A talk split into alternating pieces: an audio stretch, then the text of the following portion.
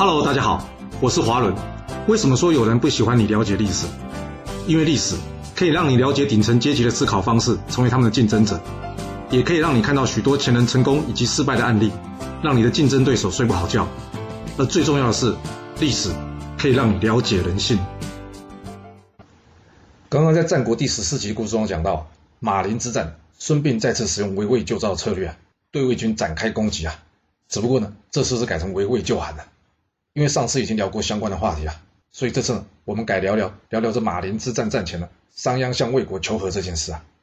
这商鞅在跟秦孝公说明自己的评估啊，也就是一旦秦魏交战了，秦国就算战胜也并非好事，所以呢，他建议秦孝公呢跟魏国求和。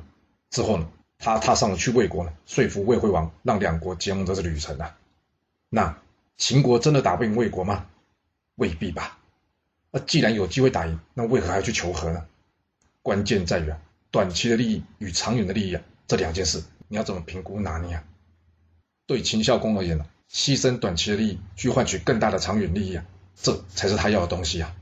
所以与魏国和谈就没有什么面子不面子以及输赢的问题了。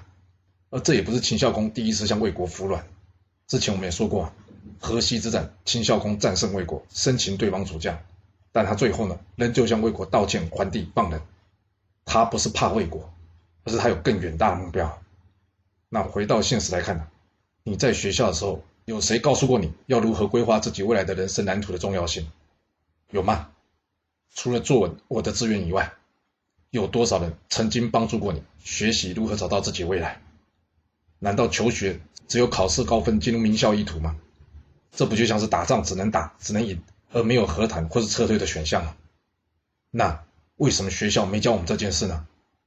换个角度来看看这问题，或许会清楚一点嘛？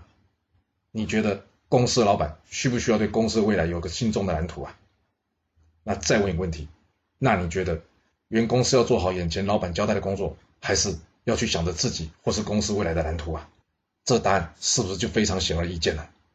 每个人的能力条件或是机遇不同，不可能人人都当老板，但是规划自己人生啊，这件事对每个人来说却非常重要。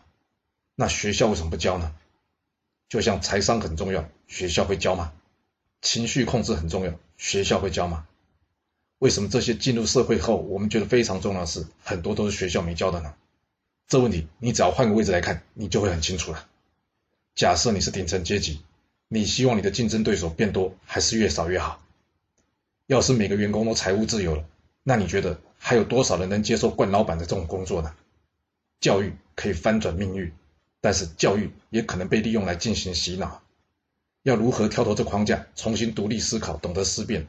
其实，在历史中已经有许多先人了，用他的血泪跟经验啊，为我们留下记录了。但是，为了不让你知道这些秘密啊，有人呢早就将历史变成了枯燥无味的背诵课程了。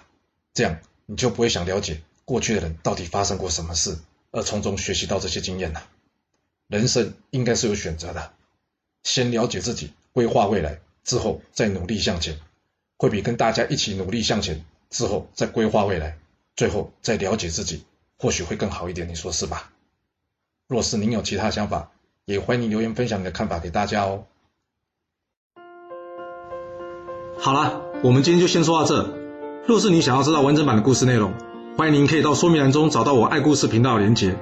要是你喜欢这个频道，还要麻烦您动动你的手指，点赞、订阅、追踪。或是给我五星评价支持以及留言分享哦，谢谢您来收听，我们下次再见。